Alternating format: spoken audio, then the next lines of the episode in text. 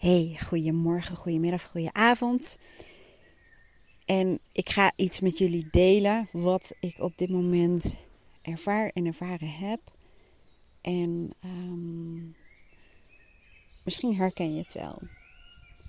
Ik heb uh, vorige week um, in YouTube Shorts, dit is dus ook even een nieuw bewustzijnsappje die ik ergens invoeg. Uh, want ik was er, zoals jullie uh, weten, een paar uh, kwijt. Er is iets gebeurd, een storing, uh, waardoor een paar audio's weg waren. En uh, ik heb ze niet terug kunnen vinden, dus ik denk ik neem gewoon even nieuw op. Dit is dus een nieuwe, dus in 2023 gemaakt. En ik vertelde in een YouTube short dat als je bepaalde belangrijke behoeften, hè, gekoppeld aan persoonlijke waarden, van jezelf verwaarloost of negeert, en weet dat het heel vaak um, grotendeels onbewust is. En je voelt het wel, je weet het wel, maar je hebt even geen idee hoe. Bijvoorbeeld, je voelt wel dat je meer rust nodig hebt. Je voelt wel dat je aan jezelf mag denken. Je voelt wel dat je um, ja, wat meer mag genieten. Maar het lukt gewoon even niet. Omdat er zoveel speelt en je hebt even geen idee hoe je het allemaal vlot kan trekken. Bijvoorbeeld. Dan zie je heel vaak dat op een gegeven moment je hoofd je lichaam in gaat zetten. En dat betekent bijvoorbeeld een paar voorbeelden uit mijn praktijk en dan die van mezelf zo meteen. Als iemand bijvoorbeeld zegt: um, Ik ben zo moe, ik snak naar een weekje niks. Gewoon op de bank, gewoon ah, uitrusten. En diegene die vertelt dat vaker, die zegt dat vaker, maar die is nog niet in de gelegenheid of die weet nog niet hoe, hoe die daar uiting aan kan geven. Wat je vaak ziet als ik her, herken je vast dat diegene bijvoorbeeld in één keer griep krijgt. Waardoor hij wel gedwongen is om, je raadt hem al, je voelt hem al aankomen, om op de bank te belanden. Het is alleen vaak wel een nadeel, want de wijze waarop zich dat manifesteert, als het ware, um, is vaak niet helemaal zoals we dat zouden willen. Want ik heb bijvoorbeeld ook wel eens oh, het lijkt me heerlijk. Gewoon even lekker een hele dag lezen. Even niks doen. En um, ik heb ook wel eens dat ik dan griep kreeg. Maar dat ik gewoon echt totaal niet kon genieten van het lezen. Of maar kleine stukjes kon lezen. Omdat ik gewoon zo moe was. Dus het is wel briljant. Ons hoofd en lichaam samenwerken. En ik zal je daar nog wel eens wat vaker wat voorbeeldjes van geven. Maar wat was dat dan nu bij mij? Want toen ik die short opnam, om dit in een minuut moet je dan een video opnemen, zeg maar, om dit te vertellen. Ik weet ook heel vaak dat ik dingen deel, omdat het op dat moment bij mij gaande is. En daar ben ik ook altijd heel open en eerlijk in. En um, vanmorgen was ik nog aan het vertellen over van dat je jezelf gek kunt maken, heel erg druk kunt maken en gestrest kunt raken van Bijvoorbeeld alles wat je nog moet doen. En vaak ga je stapelen. En was dat nou net wat ik de afgelopen dagen aan het doen was? Dat ik had al best wel wat dingen gepland en ik had coachafspraken. En um, er kwam een korte termijn um, afspraak bij. Dat wil zeggen, ik coach ook teams op locatie. En we hebben voor volgende week even twee dagen ingepland. En moet ik even schuiven in mijn agenda en dingen verzetten, noem het allemaal maar op. Dus dat was al één zo'n ding van, moet even dingen verzetten, moet mensen weer bellen, moet dingen even regelen. moet even wat voor de hond uh, met Aaron gaan regelen. Nou, allemaal regeldingetjes. Sowieso niet mijn zone of genius, zullen we maar zeggen. Maar dat stapelde bovenop alle dingen die er al lagen. Dus voor mijn gevoel had ik allemaal van die onafgewerkte dingen die ik nog moest doen. En er kwam eigenlijk maar steeds meer bij. En die begon ik al te voelen in mijn lichaam. En ik was um, net in een podcast aan het vertellen dat je soms van setting kunt wisselen. Dat je maakt het belangrijk. Je maakt het urgent. Jij geeft betekenis aan feiten. Daar hebben we het vaker in de motivatie of bewustzijnsapp, hoe we het ook maar willen noemen, hebben we het over gehad. Hè? Je geeft betekenis aan. Ook met communicatie. Je interpreteert, je neemt dingen aan, je vult dingen aan in. Je hebt een mening, oordeel erover. En dan krijg je bepaalde gevoelens en emoties. Dat is met dit precies hetzelfde. Want het is geen feit dat ik heel veel moet doen. Dus heel veel is al subjectief, is al geen feit. En dat ik het moet doen is ook geen feit. Ik heb het bedacht. Ik was dus aan het vertellen dat als je de setting verandert, bijvoorbeeld, stel je hebt hartstikke veel te doen, maar je krijgt onverhoopt drie dagen lang hartstikke griep. En je kunt gewoon weg bijna niks meer. Wat wordt op dat moment dan nog belangrijk? En dan zie je dat, dat het in één keer als het ware verandert. En ik wist al wel toen ik dat zei in de podcast van de reden dat ik dit nu zeg. En ik was namelijk ook aan het vertellen dat ik die drukte in mijn hoofd ervaar. ervoer, ervaarde, hoe zeg je dat? Ik wist al wel, dit is niet iets wat ik zomaar zeg. Dit speelt as we speak in mij. En een kwartier later kreeg ik migraine. En ik moest erom lachen. Vroeger zou ik helemaal niet om hebben gelachen. Ik had vroeger heel veel eh, migraine. Dat zorgde ergens voor. En nu zorgt het ook ergens voor. Want wat gebeurde daar? Ik ben op mijn bed gaan liggen. Gewoon alleen maar liggen. En ik werd gedwongen om even niet druk te maken. Om te relativeren. En dat niet alleen. Later, nu, zeg maar net voordat ik dit in ging spreken, ik zit nu buiten. Kan ik tot het besef dat ik mezelf dus eigenlijk gek maak. Hè? En dat ik um, gewoon even opnieuw moet gaan kijken aan de hand van een aantal criteria van hoe ik weer zorg dat ik weer ruimte in mijn agenda uh, creëer. Want daar ben ik zelf bij. Niet alles hoeft nu, om het even zo te zeggen. En niet alles hoeft volgens de norm die een deel van mij bijvoorbeeld uh, bedacht heeft. Maar goed, dat even terzijde, want dat is meer een beetje de, praktische invulling um, daarvan. Maar toen dacht ik, waar zorgt die migraine voor? Die zorgt ervoor dat ik even letterlijk op de rem ga staan. Um, en wel moet relativeren. Maar ook weet van, oh ja, nu kan het in één keer wel dat ik even niks doe. Maar heb je daarvoor migraine voor nodig? Nee. Maar je lichaam wil je wel helpen. En die doet het dan op deze manier. Als jij niet in staat bent om het op een gezondere manier voor jezelf te regelen, dan gaat je lichaam dat doen op een manier die het tot zijn beschikking heeft. En op een gegeven moment dacht ik ook, waar staat migraine voor mij symbool voor?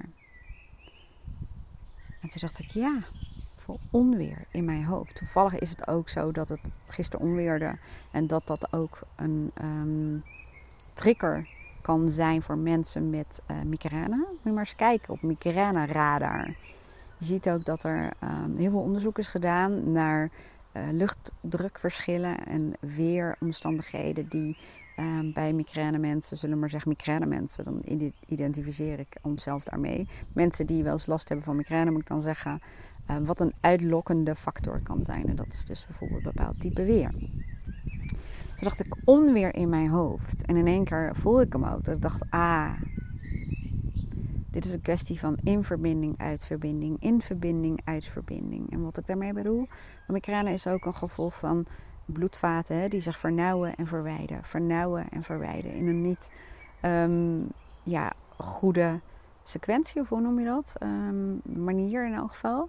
En toen dacht ik, daar gaat het exact over. Want um, de afgelopen weken, kan ik wel zeggen, zijn we ook veel te laat naar bed gegaan. Omdat we veel afspraken hadden. Wacht even, sorry, je viel even. Even kijken of we nog lopen. Ja, het loopt nog.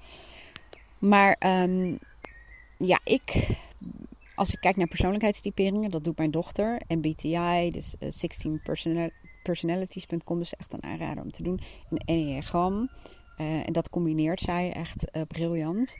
En um, het is niet om je in een hokje te stoppen, maar je kan wel heel goed nagaan van wat typeert jou als mens qua persoonlijkheid en karakter. En wanneer ben je in je optimale staat en wanneer ben je in je ongezonde staat. Um, maar ook wat heb je nodig om op te laden? Wat heb je nodig om in je element te zijn? En um, als je kijkt naar MBTI, dan begint mijn letterreeks met een I van introvert.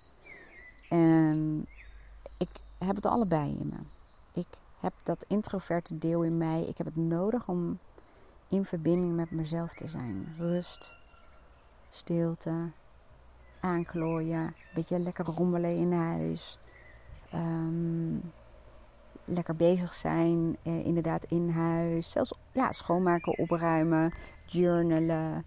ehm, lekker buiten zijn, wandelen, ook alleen zijn. Daar laat ik van op. En als dat op orde is, dan hou ik heel erg van in verbinding zijn met andere mensen. dat zou je kunnen stellen als een beetje mijn extraverte deel. Dus dat is een afwisseling tussen in verbinding met mezelf, in verbinding met de buitenwereld. In verbinding met mezelf, in verbinding met de buitenwereld. En in een gezonde toestand zorg ik dat de verbinding met mezelf optimaal is. En vanuit die plek, als dat op orde is, kan ik mij moeiteloos met liefde en plezier verbinden met de buitenwereld. Maar als er disbalans is, dus ik ben te veel in verbinding met de buitenwereld, dan ben ik dus bijna verbindingloos met mezelf, maar eigenlijk raak ik mezelf kwijt, raak ik de verbinding even met mezelf kwijt. En dan ontstaat er bij mij, zoals ik het net al noemde, een enorme disbalans. En dan laat ik niet meer op. Dan ben ik eigenlijk aan het leeglopen. En dan ben ik niet meer in touch, in contact met mezelf. En op dat moment is het voor mij ook lastiger om um, de criteria te voelen op basis waarvan ik keuzes maak. En die criteria zijn ook je waarden. Als je trouw bent aan jezelf en je waarden vanuit die plek, kun je heel bewuste keuzes maken. En dan komt het bijna niet voor dat je overweldigd raakt. Want overweldiging komt niet alleen maar door de hoeveelheid, hè, prikkels en dingen, maar ook door het soort. Dat je ehm, ja, ook dingen um, hebt uh, geadopteerd of ja hebt gezegd tegen dingen die jou niet voeden of die, uh, die eigenlijk helemaal niet relevant zijn of die, die niet bijdragen aan leven conform jouw waarden. En dat is exact wat die migraine voor mij aan het doen is. Twee dingen. Even op de rem, verbinding met mezelf herstellen en het inzicht aan mij geven dat in verbinding met mezelf, in verbinding met de ander, dat het begint bij de verbinding van bij mezelf. Dat ik voorwaarden stel, voorwaarden creëer om dat te doen. En de betekenis die ik ook toeken aan mijn migraine kan mij ook dienen en helpen. Want alles gaat over welke betekenis geef je bepaalde situaties en welke en feiten. En ik geef de betekenis aan mijn migraine dat vandaag die migraine heeft gezorgd voor een soort van neutralisering. En dat is ook vaak wat onweer doet. Hè? Het, is, het, is een, um, het is eigenlijk een conflict, een, een, een, een um, toestand onder druk die tot ontlading komt. Ja, nou ja, we kunnen het wel helemaal biologisch gaan maken, maar je snapt wat ik bedoel. Er is een conflict en het, um, het, het, het, ja, het conflicteert als een malle even. En dan is er ontlading, neutralisering als het ware, om het zo te zeggen. En door daar zo naar te kijken, ja, dan krijgt die kern ook meteen een positieve betekenis. En dan kan ik zeggen, dankjewel. Dankjewel. Is het fijn? Nee. Maar ik noem dit even een piepklein mini-crisisje. Dat zie je vaak, hè? dat een crisis of een crisisje dat zorgt vaak voor versnelling. Want um, mijn migraine, om het even zo te zeggen, die weet ook dat ik dit nog best heel lang had volgehouden. Maar dat ik elke dag roofbouw op mezelf gepleegd. En nu heeft die migraine ervoor gezorgd, ja, dat ik vandaag, en gelukkig heb ik geen uh, sessies vandaag staan, ik kan mijn planning opnieuw maken. Dat ik vandaag ben ik echt helemaal even ik weet niet of je ooit migraine hebt gehad, maar dan ben je daarna niet heel, heel erg productief meer, zullen we maar zeggen. En dat is oké. En dan is het maar inderdaad een dag. Um, maar het zorgt wel voor de komende dagen weer. Dat ik weer vanuit de verbinding met mezelf, verbinding met de rest van de wereld maak. Nou, ik hoop dat je hier iets aan had. En um, hoe jij hier wat mee kan doen, is om te kijken welke klachten komen bijvoorbeeld vaker terug. En vaker hoeft niet te zijn één keer in de week. Hè. Dat mag ook een paar keer per jaar zijn. Maar um, misschien zie je wel een terugkerend iets. Misschien is het bij jou wel vermoeidheid. Of is het hoofdpijn. Of pijn in je nek.